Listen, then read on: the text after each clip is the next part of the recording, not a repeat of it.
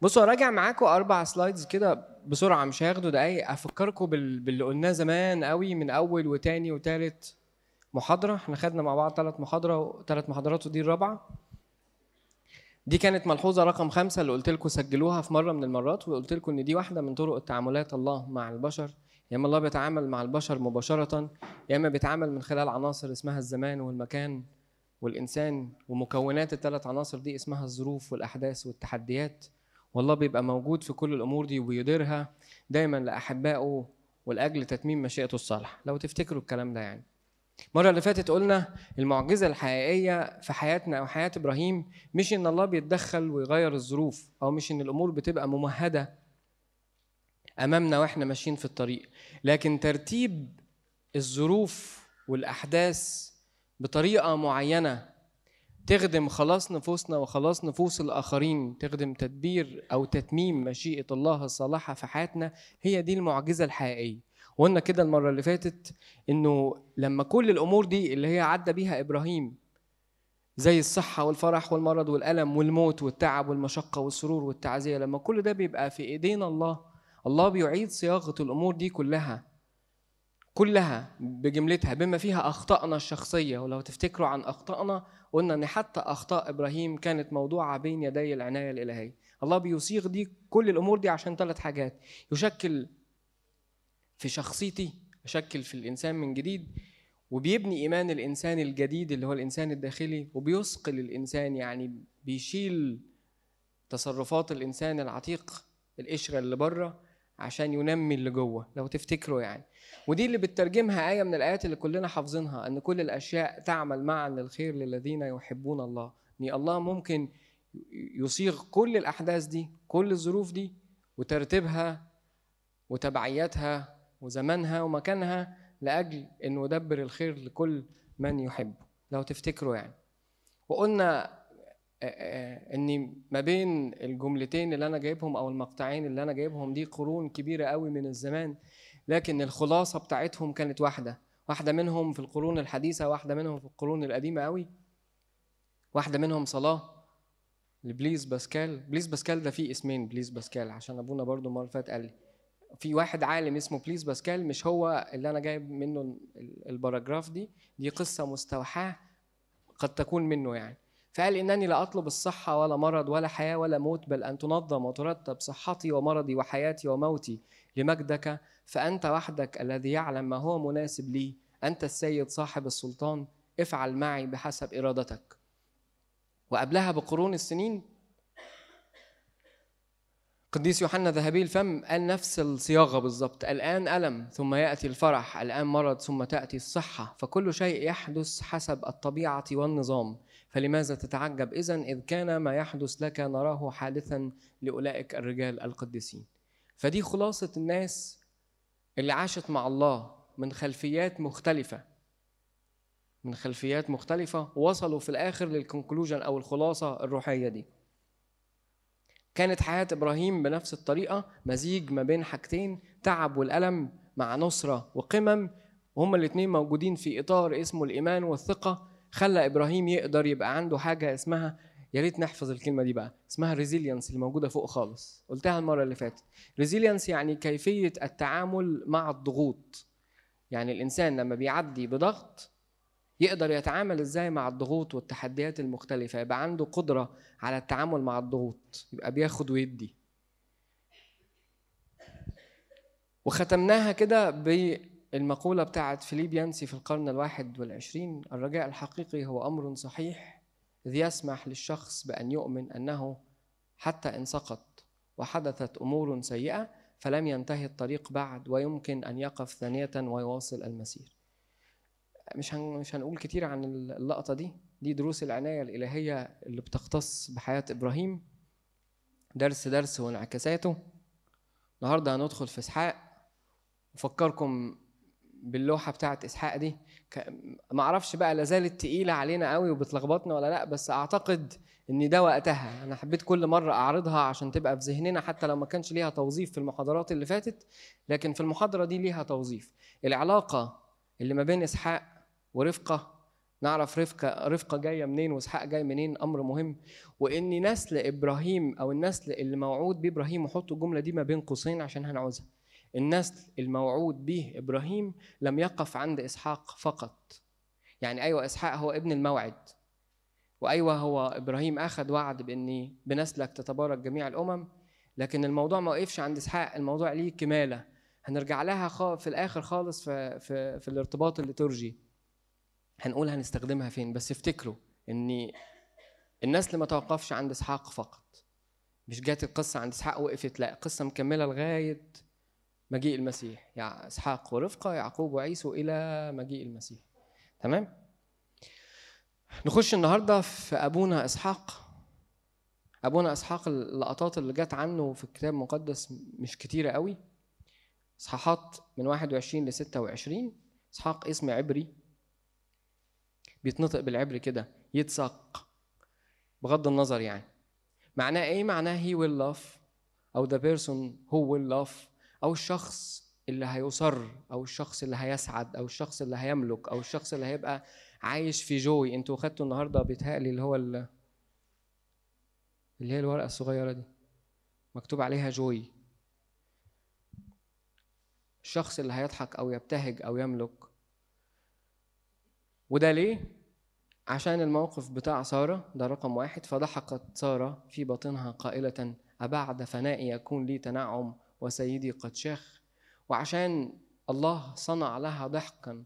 ضحكا يعني مش كل يشوفها يضحك عليها يعني يسخر منها لكن كل اللي يشوفها يصر باللي حصل لها وإن اللي حصل لها ده آية ومعجزة وتعزية لآخرين هناخد أربع نقط في حياة إسحاق. هنقول منهم ثلاثة والرابعة هنقولها في العقيدة الأرثوذكسية. أول نقطة ميلاد ابن الموعد. زي ما إحنا فاكرين إن إسحاق ده ابن جه بوعد. قد تحقق الوعد بميلاد معجزي من الله عكس ما حصل مع إسماعيل. إيه الفرق ما بين اتنين؟ عشان دي ليها انعكاسات روحية في حياتنا إن اسحاق إسحاق ابن موعد يعني هو الابن اللي الله وعد بيه إبراهيم يعني جاي بمشيئة إلهية عكس إسماعيل. إسماعيل جاي بمشيئة إنسان يعني هم أرادوا ده. لكن إسحاق جاي بوعد بمشيئة إلهية. وعلى هذا المقياس إحنا أيضا نظير إسحاق أبناء للموعد. إزاي بقى إحنا أصلا أبناء للموعد؟ على نظير إسحاق. كتاب مقدس بيقول كده في يوحنا 1 13 علينا إحنا. إسحاق جه بمشيئة إلهية. وإحنا نفس الفكرة. إحنا كمان بلادنا بمشيئة إلهية. الذين ولدوا ليس من دم ولا من مشيئة جسد. ولا من مشيئة رجل بل من الله. ده علينا إحنا. وأما كل الذين قبلوهم فقبلوه فأعطاهم سلطان أن يصيروا أولاد الله أي المؤمنون باسمه. كل حد فينا ولد من رحم الكنيسة اللي هو جرن المعمودية يعتبر كده مولود من الماء والروح مولود من الله. يعني مولود من الله؟ يعني الجسد ملوش سلطان عليه الخطية ملهاش سيادة عليه. كل أهواء وشهوات الجسد وألامه ألامه يعني شهواته برضه ملهاش سلطان عليه. فزي ما كان إسحاق ابن للموعد جاي بمشيئة إلهية إحنا أيضا نظير إسحاق. وأما نحن أيها الإخوة فنظير إسحاق أولاد الموعد. ركزوا في في الباراجرافين اللي جايين دول عشان لطاف قوي هنستخدمهم في الحتة اللي جاية. ناس كتيرة مننا ما تعرفش المعلومة دي. ما تعرفش حاجتين. ما تعرفش إن أنا ممكن أبقى ابن للموعد أصلا. أو أنا عارف إن أنا يعني بيقولوا عليا ابن الكنيسة ابن المسيح ابن الملك ابن الموعد لو أنا يعني أملك الحقيقة. بس أنا بعيد بكل سلوك حياتي عن ده. ففي نداء كده قاله أحد الكتاب الأجانب وأنا قاصد إن أنا ما أجيبش في الحتت دي مقولات أبائية صرف. أنا عايز أجيب مقولات من ناس ما عندهاش خلفيات أبائية. وناس قد تكون بعيدة كل البعد عن الإيمان الأرثوذكسي وناس ممكن ما تبقاش عاشت الحياة المسيحية زي ما إحنا عشناها يعني ما عندهاش الغنى الروحي اللي عندنا ما عندهاش كم الكنايس اللي عندنا ما عندهاش كم الكتب اللي عندنا لكن ممكن تبقى اتولدت في خلفيات يعني غير مسيحية لكن وصلت في الآخر وصلت في الآخر للخلاصة اللي أنا هقولها دلوقتي. فده احدهم بيقول كده أهو أيها المجرم اليائس لماذا لا تثوب إلى رشدك. لقد قضيت وقتا طويلا وحيدا. ياه أنت صلب. لكني أعرف أن لديك أسبابك. من الأفضل لك أن تدع أحدا يحبك قبل أن يفوت الأوان. أحدهم أيضا قال أعمق رغبة في قلوبنا. وإحنا ممكن ما نبقاش عارفين. يعني بتظهر مظاهرها بطريقة تاني. يعني ببقى عايز أشبع الرغبة دي بطرق أخرى. لكن أعمق رغبة في قلوبنا هي الاتحاد بالله فقد خلقنا من أجل الاتحاد معه. وهذا هو الغرض الأصلي من حياتنا. إيه علاقة ده بإن إحنا أبناء الموعد؟ هين كتير قوي بنبقى بنسلك في حياتنا وإحنا ما عندناش الإدراك بإن أنا ابن بمشيئة إلهية. فبالتالي حياتي كلها في غربة بعيد عن ده. قضيت وقتا طويلا وحيدا زي ما بيقول الكاتب الأولاني. وبعاند إن أنا يعني ما أرجعش لأن أنا مش عارف هل أنا ليا مكان ولا ماليش مكان. هل أنا مدعو من الآب إن أنا أبقى ابنه أصلا ولا لأ؟ الموضوع مش في بالي قوي ما حسيتش بيه محدش قاله لي بشكل شخصي ما أعرفش. جوايا دايما احتياج مفتوح بلاعه من الاحتياجات بحاول أترجمها بطرق أخرى بمحبات أخرى بعلاقات أخرى. لكن يعني الحاجة اللي جوايا دي هي رغبة في الاتحاد بالله. الراجل ده الكاتب ده والكاتب التاني بيترجمه ده بيقول إن ده الوقت المناسب إن إحنا نرجع نعيش مقصد حياتنا هو إن أنا أعيش ابن في اتحاد لله. شفتوا مشاعر ميسي داليا وهي بتصلي قدام ايقونه العذراء عشان يبقى عندها بنت أو ابن يعني؟ شفتوا مشاعرها واحتياجها الشديد قوي قوي إنها تقتني ابن؟ سألكوا سؤال تاني. تخيلوا لما بقى عندها ابن فمشاعرها هتبقى عاملة إزاي؟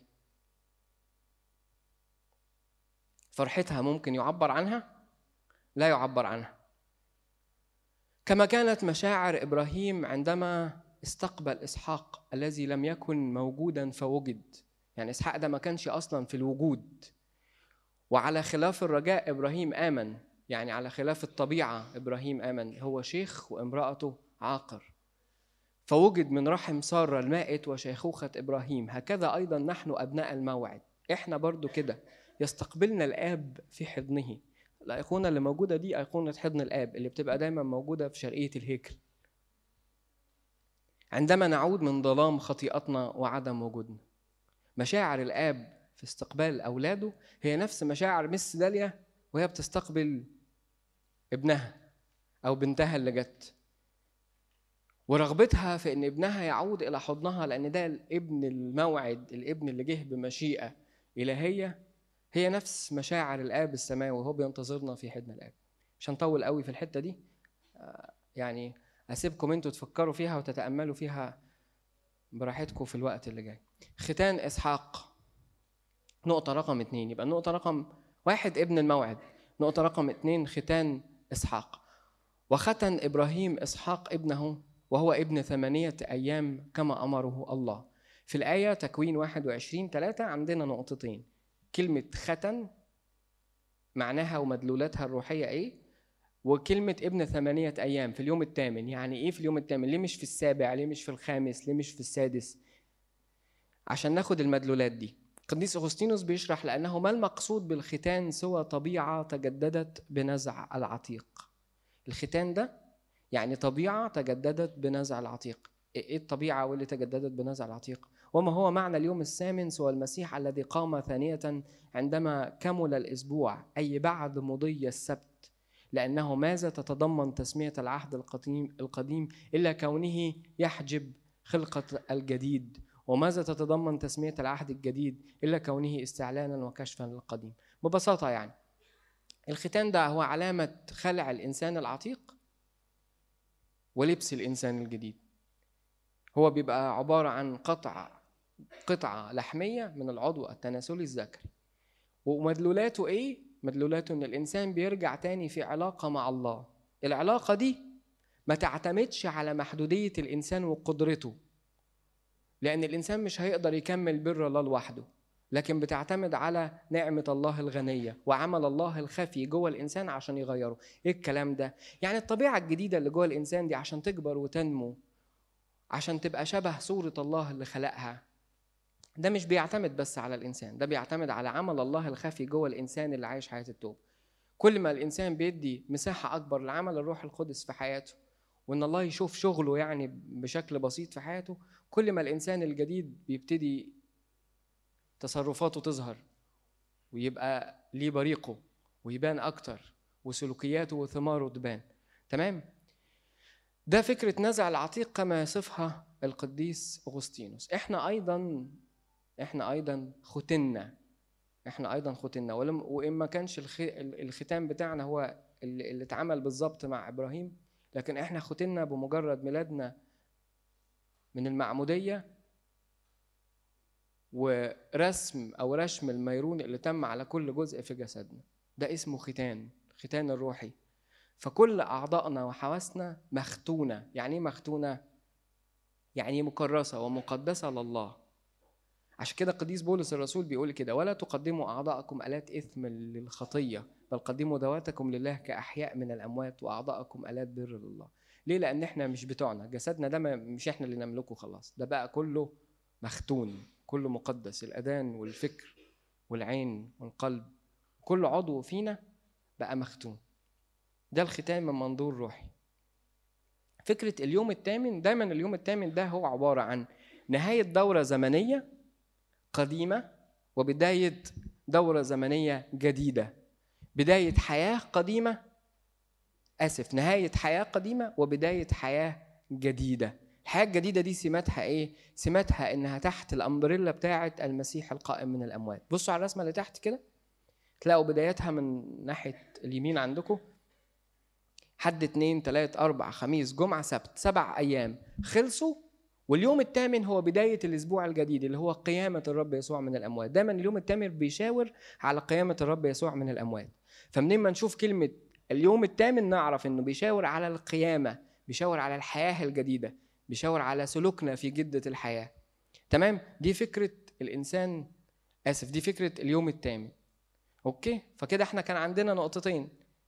فكرة الختان أو مفهوم الختان وبعده أو مدلولاته الروحية والنقطة الثانية اليوم الثامن عندنا دايما إبصالية لطيفة كده أو تسبيحة الثلاث فتية القديسين. اخلعوا الإنسان القديم أو الإنسان العتيق. قديس بولس بيؤيد ال ال أو يعني بيحط ده بين قوسين. اخلعوا من جهة التصرف الإنسان العتيق والبسوا الجديد الفاخر واقتربوا إلى عظم الرحمة. اقتربوا إلى عظم الرحمة إحنا يعني إيه شاورنا عليها كده في النقطة اللي فاتت. ابن الطاعة. ابن الطاعة إحنا غطينا الجزئية دي في إبراهيم كتير قوي قوي واتكلمنا على الإخلاء. لو أنتوا تفتكروا وعلى إزاي إبراهيم قدم ابنه طواعية وعلى إزاي إسحاق قبل إنه أبوه يقدمه. هقرأ معاكم البراجراف الصغير ده واقول عليه تعليق واحد سريع. فأخذ إبراهيم حطب المحرقة تكوين 6 22 ووضعه على إسحاق ابنه وأخذ بيده النار والسكين فذهبا كلاهما معا. الناس اللي كانت مركزة في المحاضرة رقم اتنين ونفتكر كلمة ذهب كلاهما معا دي كان ليها مدلولات مهمة جدا. إن زي ما إبراهيم قدم ابنه بطاعة كاملة لله إسحاق برضه ذهب مع أبوه بطاعة كاملة وتسليم كامل لله. ليه؟ لأنه ببساطة المرة اللي فاتت مارينا سألت سؤال وأنا جاوبتها هناك عند الباب. ببساطة إسحاق كان عنده القدرة إن هو يقنع أبوه ببساطة أنا ابنك وحيدك. اللي منه هيجي النسل اللي أنت تنتظره واللي ليك 25 سنة منتظره. هترجع تقول إيه لماما؟ فكر تاني في الموضوع. كان ممكن كان ممكن بطريقة أو بأخرى يعني يعرف يقنع ويثني أبوه عن قراره يرجعه عن يلعب في دماغه يعني ورجعه عن اللي هو كان بيفكر فيه. لكن زي ما تنبأ كده أشعياء 53 بيقول ظلم أما هو فلم فتزلل ولم يفتح فاه كشاة تساق إلى الذبح وكنعجة صامتة أمام جزيها فلم يفتح فاه ويوحنا 19 فخرج وهو حامل صليبه إلى الموضع الذي يقال له موضع الجمجمة ويقال له بالعبرانية جلجسة كان إسحاق بالضبط إشارة للرب يسوع في طاعته وتقديمه لذاته وطواعيته وخضوعه لمشيئة أبيه واتحاد إرادته بإرادة إبراهيم. هما الاتنين راحوا مع بعض عشان إسحاق يقبل إن هو يبقى ذبيحة. فكان في ده إشارة للرب يسوع وهو رايح يقدم نفسه ذبيحة عن العالم. وفكرة إنه أخذ حطب المحرقة ووضع على إسحاق دي فيها إشارات واضحة قوي للمسيح وهو بيحمل الصليب ورايح لمكان صلبه. إحنا قلنا الكلام ده أنا مش هطول فيه كتير يعني قلناه في المحاضرة الثانية بس أنا بفكر بيه كده بهايلايتس يعني سريعة. على نهج إسحاق أيضا نحن أيضا مدعوون أن نقدم أجسادنا ذبيحة. إحنا كمان كأبناء للموعد لينا مكان في حضن الآب. والآب بيدعونا باشتياق إن إحنا نرجع لحضنه تاني. إحنا أيضا مدعوون إن إحنا نقدم أجسادنا المختونة المقدسة لله اللي هي مش بتاعتنا ذبيحة برضه ونقدم أذهاننا أيضا ذبيحة.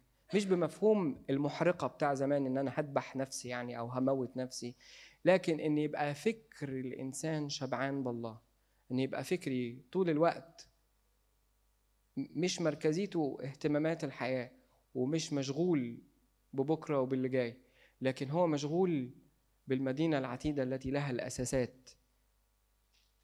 فكري طول الوقت طول الوقت بيترجم إن أنا إنسان غريب عن الحياة وغريب عن العالم. مش طموح كتير قوي في اللي في الأرض. لكن ايا كانت الظروف المحيطة اللي الله بيسوقها بإيده وبيدبرها عشان خلاصي فكري كله رايح لفوق. أبونا في الخلوة اتكلم على الهذيز والفيديو بتاع المحاضرة نزل على ال website شجعكم تحضروه عشان نعرف إزاي يبقى الفكر كله مملوك لله. اتكلم على صلاة يسوع. صلاة يسوع دي واحدة من الحاجات المهمة جدا في المنهج الروحي اللي بتسلمه الكنيسة يعني. إذا كان الفكر نفسه شبعانا بالله واللسان نفسه في هزيز دائم بكلمة الله والقلب مرفوعا باستمرار في صلاة ومناجاة كصلاة يسوع مثلا بهذا يقدم من الإنسان نفسه وعبادته العقلية كذبيحة حية لله. إذ يكون فكره في كل حين في طاعة لمن أحبه فنجد هذا منعكسا في سلوكنا وطهارة نظراتنا وقداسة كلامنا وأفكارنا وخضوعنا. قديس مقاريوس الكبير بيلخص اللي أنا قلته في جملتين. الراجل ده دايما بيجيب ال... يعني الحاجة من العمق كده. بنفس الطريقة أيضا النفس وكان بيشرح موضوع كبير يعني وبيقول بنفس الطريقة أيضا النفس. فمنذ المعصية أمست جموحا غير مروضة. يعني إيه؟ يعني بتعمل اللي هي نفسها فيه والجسد بيعمل اللي هو نفسه فيه. فأي حاجة تيجي على باله يعملها أي شهوة يشتهيها يعملها. أي فكرة تيجي في باله ينفذها على طول. النفس أصبحت جموحا غير مروضة. يعني مش ماشية على منهج. تهيم في بيداء العالم مع الوحوش. أي روح الشر خادمة للخطية. الوحوش دي اللي هي أرواح الشر يعني. لكن حينما تسمع كلمة الله وتؤمن وتلجم من الروح القدس فإنها تطرح عنها عاداتها الوحشية واهتمامها الجسدي إذ يقودها راكبها المسيح. نقطة رقم أربعة. إحنا قلنا إن في نقطة تانية أجلناها فدي نقطة رقم أربعة. إسحاق ونبش. نبش يعني إعادة حفر. لما تبصوا على كلمة نبش بالإنجليش هتلاقوا إن معناها يعني إيه؟ حاجة كانت موجودة وإحنا نكشناها تاني يعني إعادة حفر أبار أبي هنقرأ مع بعض الأعداد اللي موجودة في تكوين أصحاح 26 وعدد 18 ل 25 فعاد إسحاق ونبش أبار الماء التي حفروها في أيام إبراهيم أبيه وطمها الفلسطينيون بعد موت أبيه ودعاها بأسماء كالأسماء التي دعاها بها أبوه. وحفر عبيد إسحاق في الوادي فوجدوا هناك بئر ماء حي فخاصم رعاة جرار رعاة إسحاق قائلين لنا الماء. فدعا اسم البئر عسق لأنهم نزعوه. عسق يعني نزاع. ثم حفروا بئرا أخرى وتخاصموا عليها أيضا. فدعا اسمها سطنة. سطنة يعني مخاصمة. ثم نقل من هناك وحفر بئرا أخرى ولم يتخاصموا عليها. فدعا اسمها رحبوت. رحبوت كلمة عبري معناها الله يعني يدي رحب يعني يدي وسع. إنه الآن قد أرحب لنا الرب وأثمرنا في الأرض. يعني هو عمل ثلاث مرات. حفر بئر وسماها عسق. حفر واحدة تاني سماها سطنة. واحدة تاني اسمها رحبوت. ثم صعد من هناك إلى بئر سبع. فظهر له الرب في تلك الليلة وقال أنا إله إبراهيم أبيك لتخف لأني معك وأباركك وأكثر نسلك من أجل إبراهيم عبدي. فبدا فبنى هناك مذبحا ودعا باسم الرب ونصب هناك خيمته وحفر هناك عبيد إسحاق بئرا الجماعة الفلسطينيين بالدارج يعني العربية العامية حسدوا الجدع اللي اسمه إسحاق لأن شافوا إن هو بيكبر يوم عن يوم إن كان في عزته أو في ثروته أو في حاشيته أو في غناه وليه سلطان فغاروا منه يعني. فراحوا بوظوا كل الأبار اللي بقى اللي اللي حفرها أبوه إبراهيم. كان هو عنده هدفين الخلاصة. كان عنده هدفين. الهدف الأولاني ورثه من أبوه. الهدف الأولاني ورثه من أبوه. إن هو يحفظ سلامه. يعني إيه؟ لو تفتكروا المشهد بتاع النزاع اللي حصل بينه وبين لوط تفتكروا المشهد ده؟ إبراهيم عمل إيه مع لوط؟ قال له عندك الأرض كلها طولها وعرضها شوف أنت عايز تروح فين وأنا أروح الناحية التانية عشان ما يبقاش في بيني وبينك إيه؟ نزاع أو ما يبقاش في بيني وبينك مخاصمة. فأنا هحفظ سلامي. سلامي يعني يبقى عندي بيني وبينك في علاقتنا سلام. طب هو ليه بيفكر كده إسحاق؟ وليه فكر كده إبراهيم؟ لأنه من الأساس إحنا قلنا زمان إن إبراهيم كان بيفكر كأنه إنسان غريب. يعني غريب يعني عايش حياة مؤقتة على الأرض. غريب يعني أنا هقعد هنا شوية وهمشي. فمش في الشوية اللي هقعدهم هتخانق مع كل الناس. وهتكون بيني وبين أقاربي مخاصمة وبيني وبين لوط مخاصمة. فالكونسبت الأولاني إن هو يبقى عنده سلام. والسلام ده اللي كان بين إسحاق والفلسطينيين شوية مختلف عن اللي كان بين إبراهيم ولوط. يعني إبراهيم ولوط قرايب لكن إسحاق وفي الفلسطينيين الفلسطينيين كانوا بيضايقوه. فيمكن دول درجة مختلفة شوية عن لوط إن هم كانوا بيضايقوه كمان. النقطة الثانية إصراره. يعني إيه إصراره؟ واحدة من ضمن المشتقات بتاعة الريزيلينس إن أنا راجل عندي حبة من القدرة على التعامل مع الضغوط. إن أنا مصر إن أنا أحفر الآبار برضه أنا مش هستسلم. يعني أنت قفلت دي وكأني يعني العدو قفل لي حتة فأنا هفتح الحتة التانية.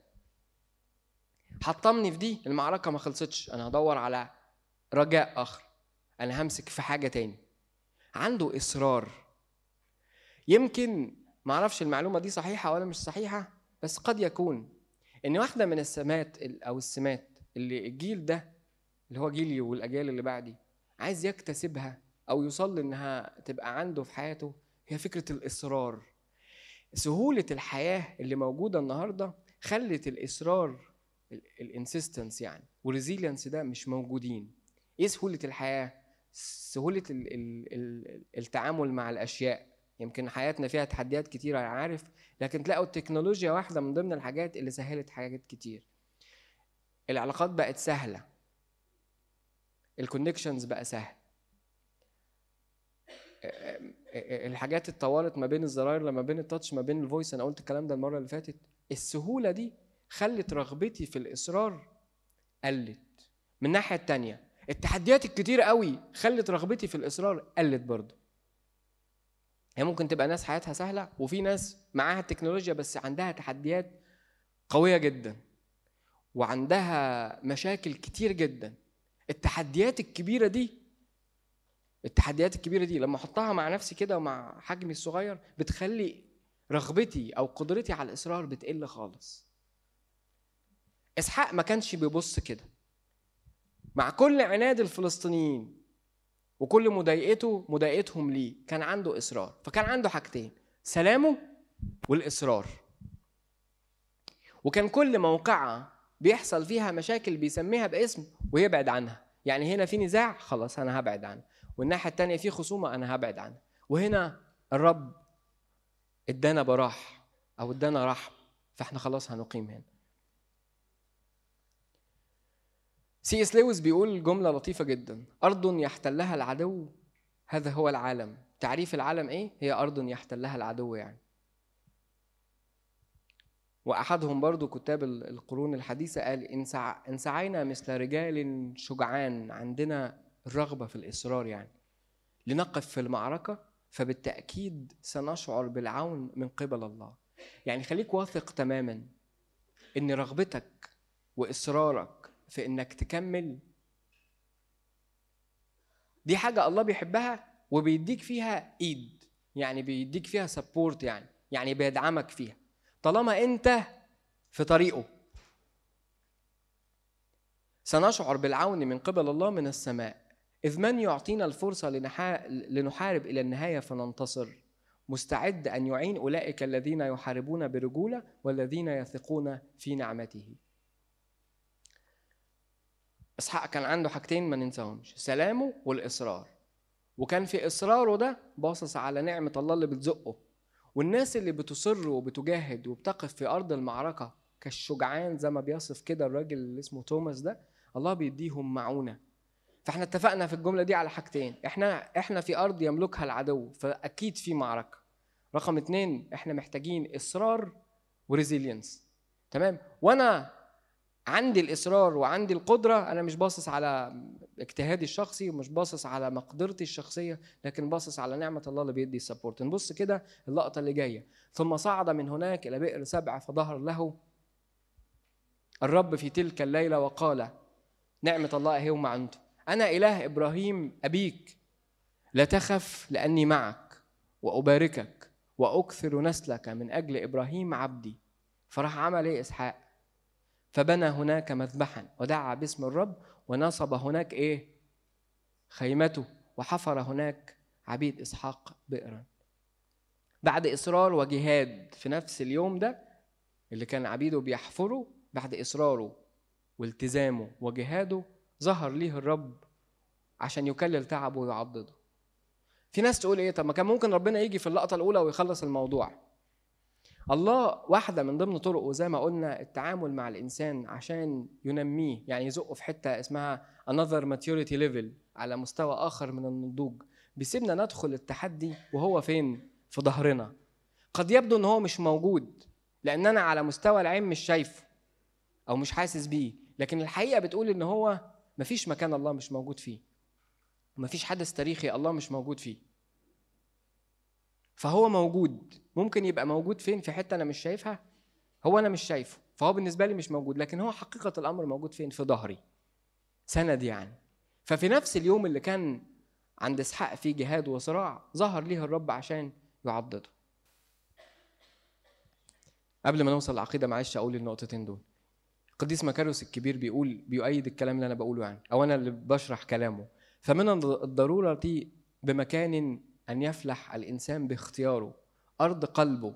يعني مهم جدا إن الإنسان يفلح أرض قلبه يتعب عشان عشان يخلي أرض قلبه أو قلبه ده مثمر ويكابد الأتعاب لأن الله يطلب تعب الإنسان وكده عمله.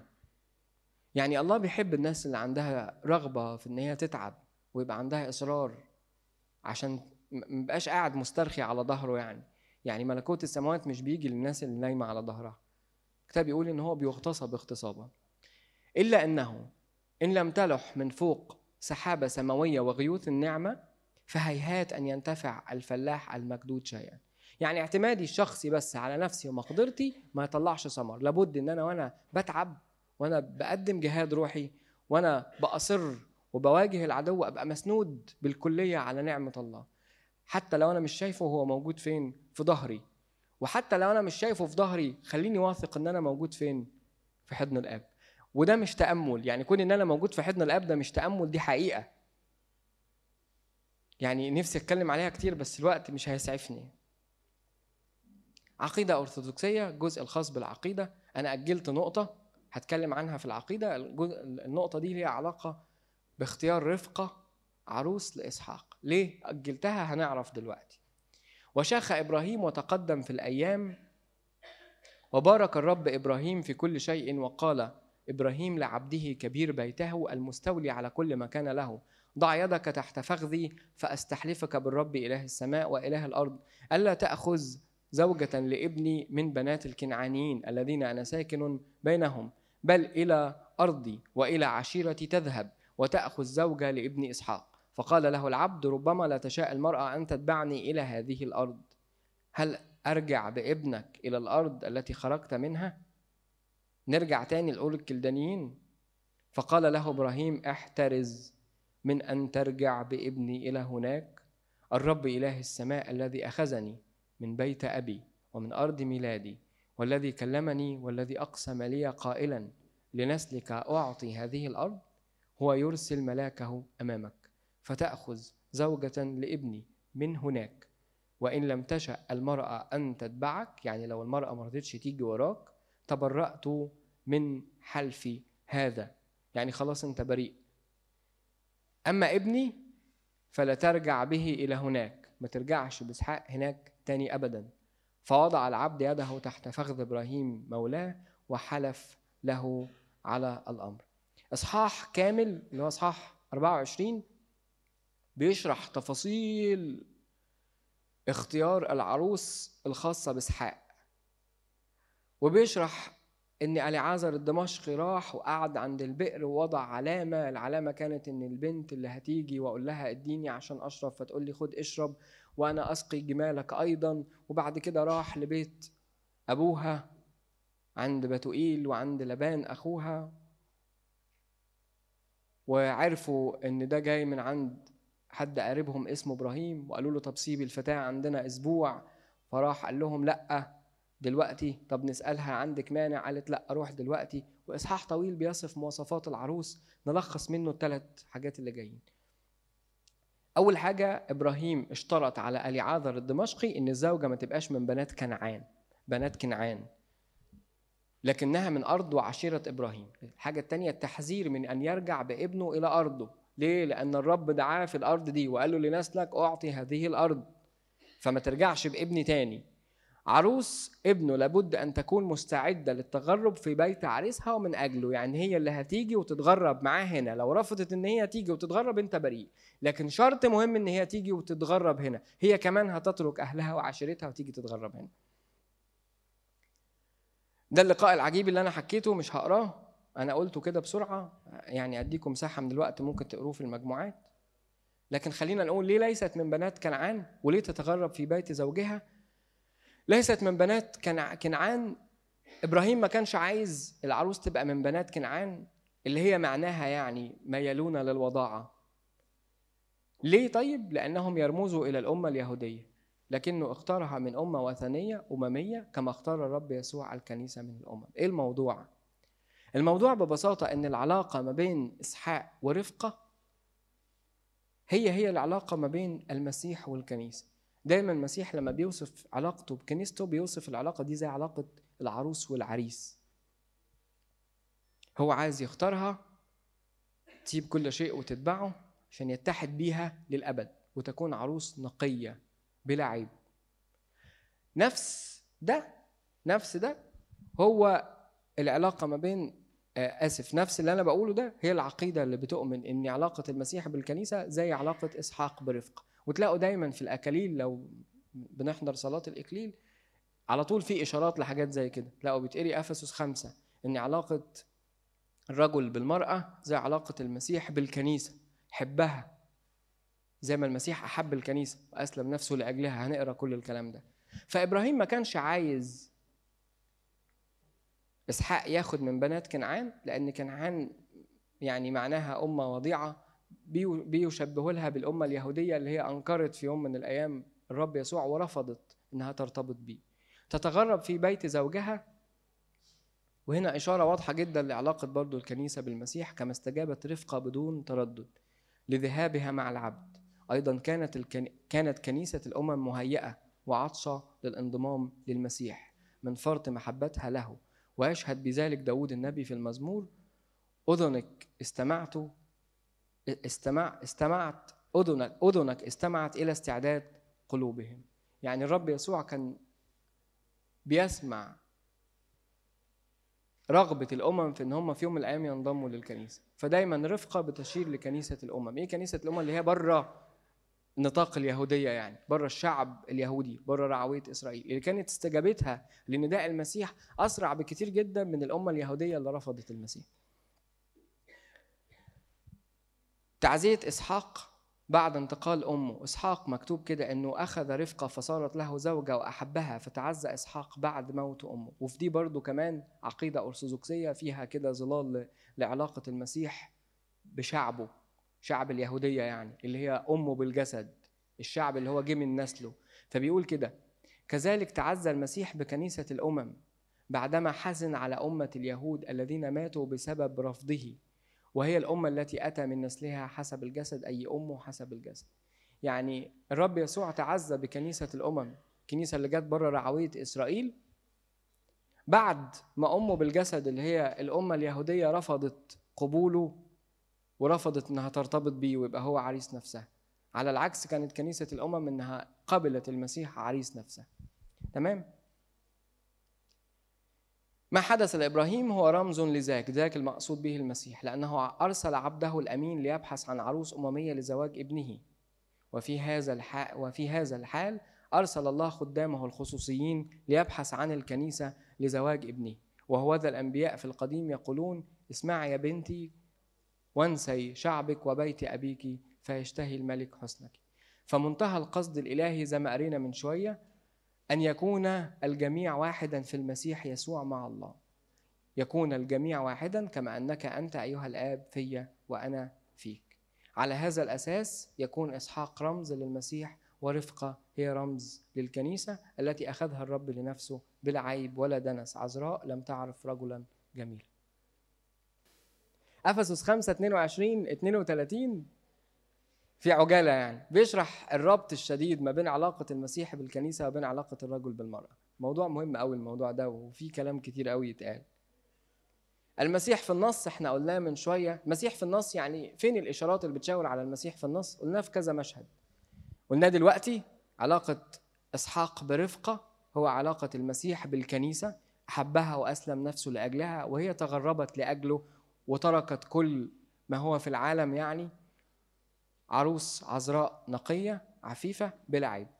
وقلنا كمان في قصة إسحاق لما قدم ابنه إبراهيم لما قدم إسحاق ابنه إن إسحاق بيشير للمسيح وهو بيحمل صليبه زي ما إسحاق كان شايل الحطب ورايح لمذبح المحرقة. نبوات الساعة التاسعة من يوم الأربعاء من البصخة المقدسة بتستهل يعني بتبتدي. أول حاجة بتتقري فيها يعني أصحاح 24 من عدد واحد لتسعة الأصحاح اللي بيوصي فيه إبراهيم العازر الدمشقي. روح نقي لابني إسحاق عروس مش من أرض كنعان من عند اوري الكلدانيين من الأمم اللي هم ما يعرفوش الله يعني مش من أرض كنعان. وقلنا الكلام ده ليه؟ بصوا هقول لكم بإيجاز في رسمة ونشكر الله إن أنا عملتها في رسمة عشان ما ياخدش وقت الحكاوي. الساعة التاسعة من يوم الأربع من البصخة المقدسة فيها ثلاث حاجات مهمين. ركزوا قوي بقى ركزوا قوي عشان هقول الكلام ده في 30 ثانية. القراءة بتاعة أصحاح 24 بتشاور على الآتي بتشاور على الآتي. المسيح من نسل إبراهيم الموعود به. إحنا قلنا إن مش بمجيء إسحاق الموضوع انتهى. فإسحاق إبراهيم بيوصي العازر الدمشقي بيقول له روح دور له على عروس عشان يبقى لينا كمان نسل آخر والعروس دي ليها مواصفات إنها تغترب. فاول جزء بيتقري المسيح من نسل إبراهيم الموعود به. يعني النسل اللي الله وعد به إبراهيم وقال له بنسلك تتبارك جميع الأمم أهو المسيح أهو اللي إحنا بنتكلم عليه الأسبوع ده واللي هيصلب يوم الجمعة واللي هيقوم يوم الحد هو ده. ماله ده؟ في الساعة التاسعة من يوم الأربع من البصخة المقدسة بيشاور القراءات كلها على إن المسيح ده اللي من نسل إبراهيم ده اللي هو نفسه النسل اللي جاي منه جماعة اليهود دول إيه اللي بيحصل له بيتم المشاورة على قتله من قبل الجماعة اليهود دول. فالمسيح اللي اتكلمت عنه النبوات جاي من نسل إبراهيم إخواته اللي جايين من نسل إبراهيم وأمه بالجسد اللي هي أمة اليهودية بيتشاوروا لقتله. تمام؟ وبنلاقي ظهر فجأة في قراءات الساعة التاسعة كده إنجيل متى بيحكي عن حدثين واحد دلوقتي وواحد المفروض كان من بدري. واحد دلوقتي اللي هو التشاور لقتل يسوع. وبيحكي عن حدث تاني سكب مريم الطيب على قدمي يسوع. مع إن الحدث ده حدث يوم السبت لما المسيح كان في بيت عنيا من وقت. طب هو ليه إنجيل متى جايبه هنا؟ أو ليه قراءات الكنيسة جاب إنجيل متى في الساعة التاسعة وهم بيتشاوروا على قتل يسوع. عشان الكنيسة تقول إن المسيح اللي جاي من نسل إبراهيم اللي أمته تشاوروا على قتله ماله؟ عريس نفوسنا. ده عريس الكنيسة. ده اللي الكنيسة قبلت إن هو يبقى عريسها وهو قبل إنها تبقى عروسه وإنها ترتبط بيه للأبد. حلوة الرسمة دي لطيفة؟ ثانك يو